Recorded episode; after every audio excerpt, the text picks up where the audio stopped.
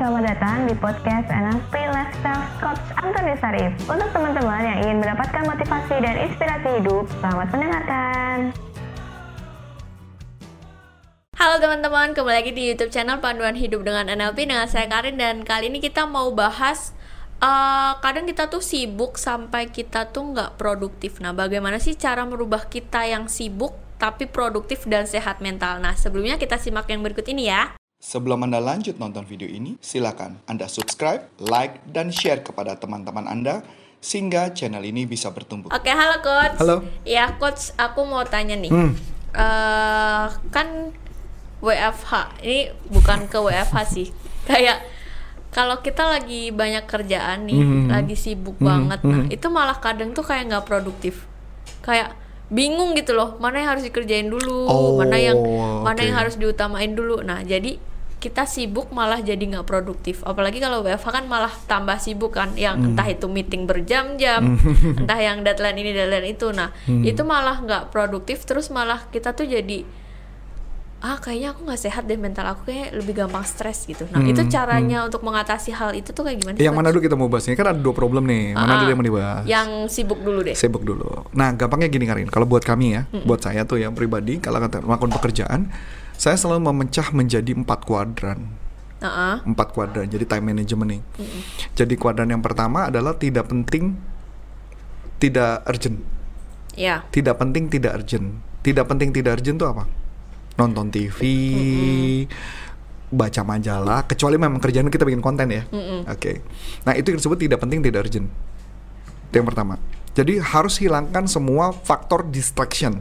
Kalau misalnya distractionnya adalah handphone, yang pekerjaan kita nggak ada handphone, lebih baik handphonenya taruh. Itu yang pertama.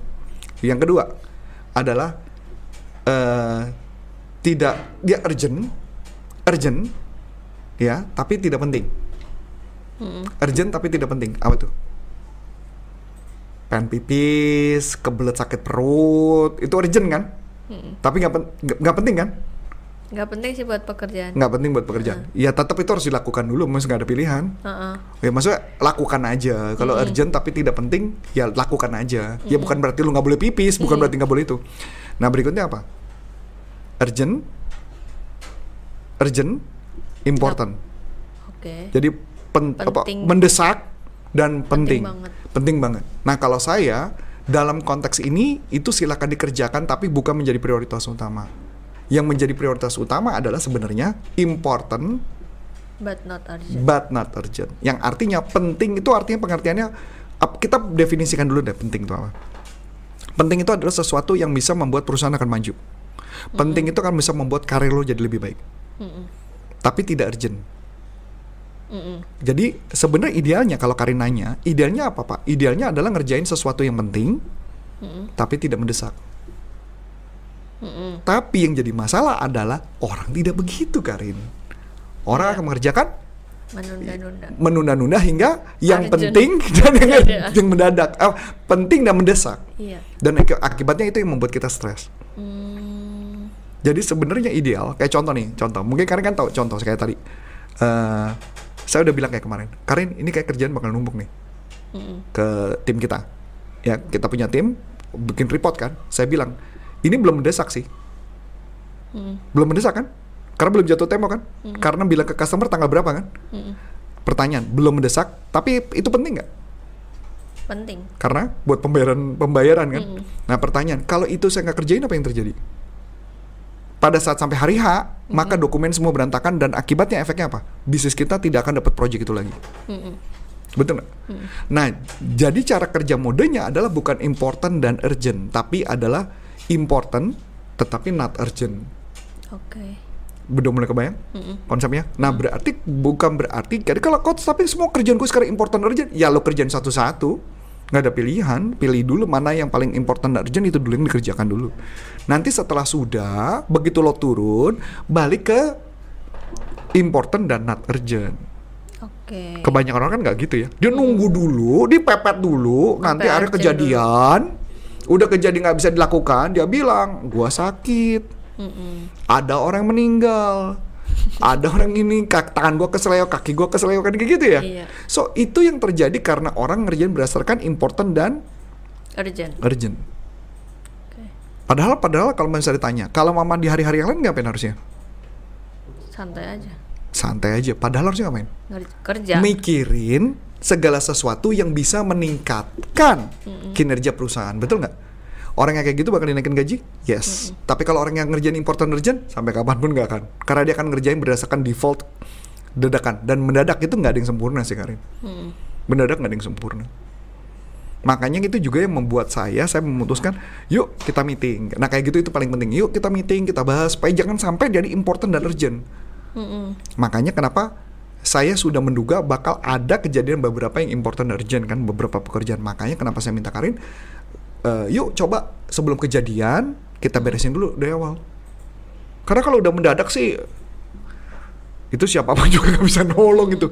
Itu pokoknya jangan jangan sampai gara-gara important dan urgent akibatnya kalau orang terlalu bekerja kayak gitu nanti apa yang terjadi? Ada yang resign. Itu kenapa orang resign? Karena ngerasa kerjanya tumpuk banyak banget sampai ngerasa hektik dan apa tadi kesehatan mental terganggu. Ganggu. Pinter ya ngebawanya juga. gitu. oke Jadi kalau mama dia ngerjainnya important dulu urgent, apakah bakal kesehatan mental kan ganggu? Nggak mungkin. Hmm, Dan seorang atasan harus tahu pada saat kapan timnya mm, dalam keadaan bakal ada keganggu kesehatan mental. Oke Eh, kalau aku kan tipikal orang yang ya udah misalkan padetin banget di hari Senin nih coach Senin Hmm. Selasa Rabu Hmm. nanti Kamis entah itu nanti ya udah tinggal yang important Eh, eh, tinggal yang santai-santai atau misalkan yang nggak dikejar-kejar boleh. Nah, itu tapi tetap kayak kok hektik ya gitu. Itu apa yang salah dengan pikiran aku atau aku menyisipkan beberapa pekerjaan misalkan udah selesai nih kerja.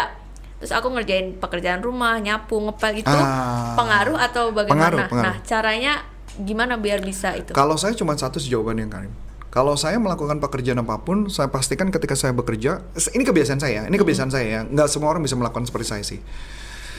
eh kan pekerjaanku yang agak cukup menyita waktu adalah salah satu membuat konten TikTok. Mm-mm. Karena konten TikTok itu tidak main rekaman begitu aja betul, Mm-mm. tapi artinya harus saya buat skrip dan sebagainya. Apa yang saya lakukan, Karin? Saya sering banget ketika membuat konten TikTok, saya bilang gini, kalau saya belum selesai di sampai ini, saya nggak akan berhenti. Saya nggak mau kerjaan-kerjaan yang lain. Kalau saya sudah semua, baru saya ngerjain kerjaan yang lain. Jadi istilah, bahkan kalau perlu Karin, saya agak sadis sih, saya nggak akan makan. Kalau itu belum selesai. Tapi udah lapar.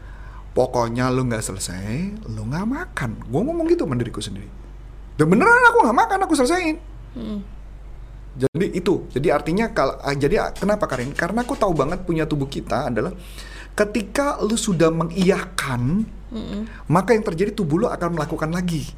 Paham nggak sih? Mm-mm. Jadi contoh, lu udah buat excuse sama diri lu, karena lu udah excuse, maka tubuh lu nggak apa-apa kok. Lapar kan, makan aja. Nanti kan, nanti, ya gitu kan. Mm-mm. Akibatnya tubuh saya excuse. Kalau gue kadang nggak sih ngomong, lu nggak boleh makan lu Rif. kalau lu nggak selesaiin, Mm-mm. berarti kalau lu selesaiin, hadiahnya Makan. makan. Coba kalau gue makan, belum selesai, Ntar aja deh. antar aja lah. Mm. tubuh saya akan melakukan apa? Dia berontak. Udahlah makan lah. Bisa kerja nanti aja. Gitu Karin. Jadi itu yang saya lakukan. Makanya kalau ditanya, pekerjaan pekerjaan rumah akan saya kerjain? Enggak. Misalkan contoh. Tapi kan kalau nggak dikerjain, bukankah sama ini juga nggak dikerjain? Dikerjain after apa? Habis kerja. Habis kerja. Pertanyaan menarik. Kalau lu nggak cepet selesaiin, lu tidur makin malam lo. Kok panik lo dalam badan kita? Maka apa yang terjadi? Kita akan fokus 100% untuk ngerjain itu loh. Hmm. Begitu sudah selesai, tapi kan rumah kotor. Lo nggak selesaiin, lo tidur malam. Oh, oke, mensugesti diri sendiri juga ya. iya, tubuh kita panik gak? Mm-mm. Panik, maka apa yang terjadi? Otak kita akan fokus 100% ngerjain kerjaan itu selesai, baru kita ngerjain yang lain. Beda kalau dengan kerjaan, kerjaan setengah, berhenti dulu, ngerjain yang rumah. Setengah dulu, ngerjain lagi. Nggak akan beres. Mm-mm.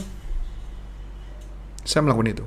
Bahkan nih Karin, ini aku agak gila sih Karin. Memang aku agak gila. Gilanya apa? Bahkan sampai sampai mengatur pola pup aja aku atur loh. Gimana tuh coach? Nggak boleh pup.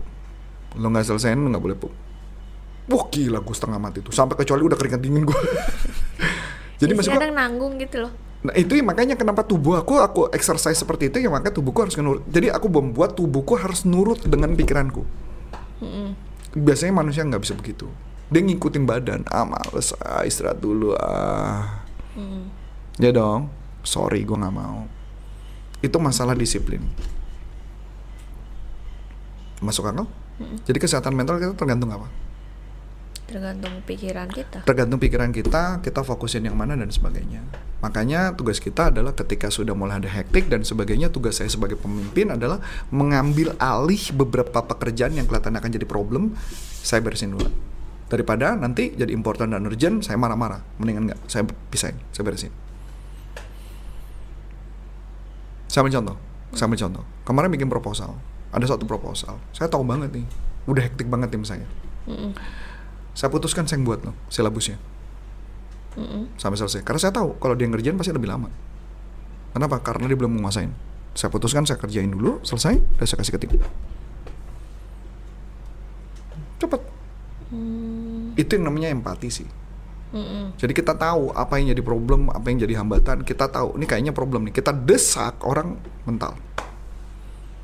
Karena karena kita sadar sendiri sih kalau mama pekerjaan semakin banyak kerjaan bukan makin gampang apalagi dokumen paperwork itu aduh itu tidak mudah tidak mudah tidak mudah masuk akal apa yang Karin pikirin Gak sih coach. Kadang gini nih. eh kayak lebih apa ya? Jam 8 ini kan udah kerja nih. Jam 8. hmm. Terus nanti ya udahlah nanti dulu sampai jam 12. Hmm. Kadang tuh molornya tuh buat makan kayak tar dulu deh nanggung masih mau kerja. Hmm, saran saya nggak gitu sih.